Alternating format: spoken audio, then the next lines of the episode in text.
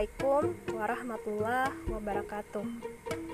Pendengar, kisah inspiratif hari ini datang dari Ramadan sedunia saudara kita di Sudan, yaitu begal Ramadan di negeri Dua Nil.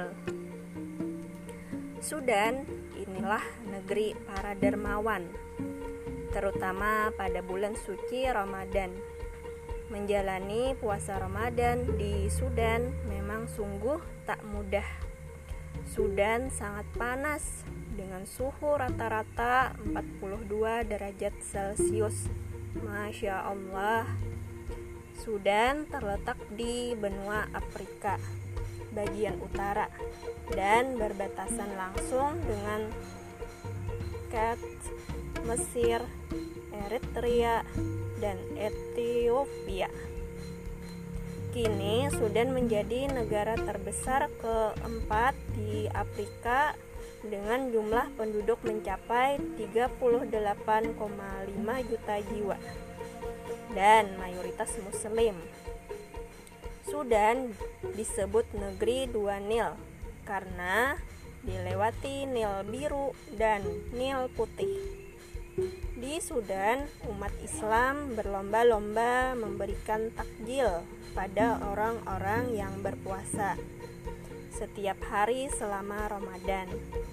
Padahal, Sudan bukanlah negara yang kaya, tapi semangat mereka dalam bersedekah sungguh luar biasa besar. Saat berbuka bersama, semua orang berbuka di luar rumah dengan menggelar tikar. Beberapa keluarga berkumpul dan makan bersama. Jika ada orang lewat, mereka akan memaksanya ikut berbuka bersama mereka. Ini disebut tradisi begal Ramadan. Ada tradisi lain di Sudan, yaitu bait atau rumah Masya Allah.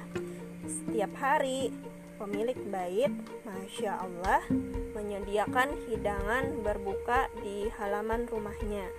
Ini adalah kebiasaan yang telah berjalan selama bertahun-tahun. Sekitar 200 porsi hidangan berbahan daging dan ayam disajikan.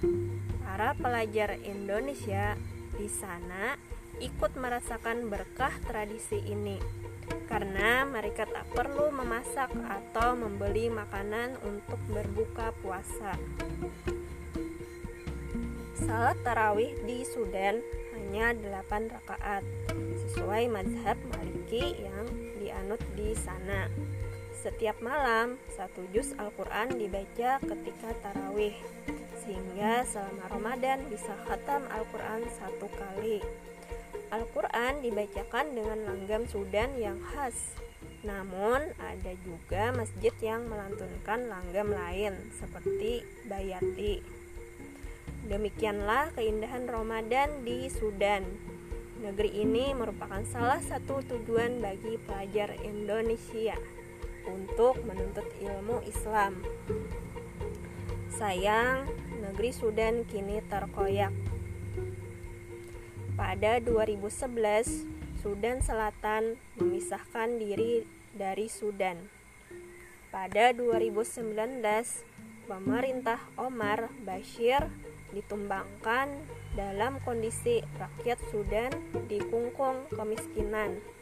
Pemerintahan baru pemerintahan baru pun terbentuk. Konsekuensinya pada 28 Maret 2021 Sudan resmi menjadi negara demokratis sekuler.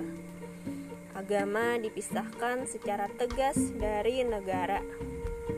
Undang-undang yang berbasis syariat dihapus.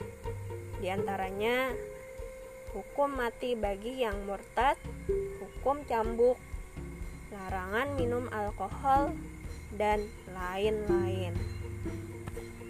Semoga pada Ramadan berikutnya syariat kembali menaungi rakyat Sudan dan mewujudkan kesejahteraan bagi mereka dan seluruh dunia. diambil dari Muslimah Newscom. Semoga kita bisa meneladani uh, rakyat Sudan yang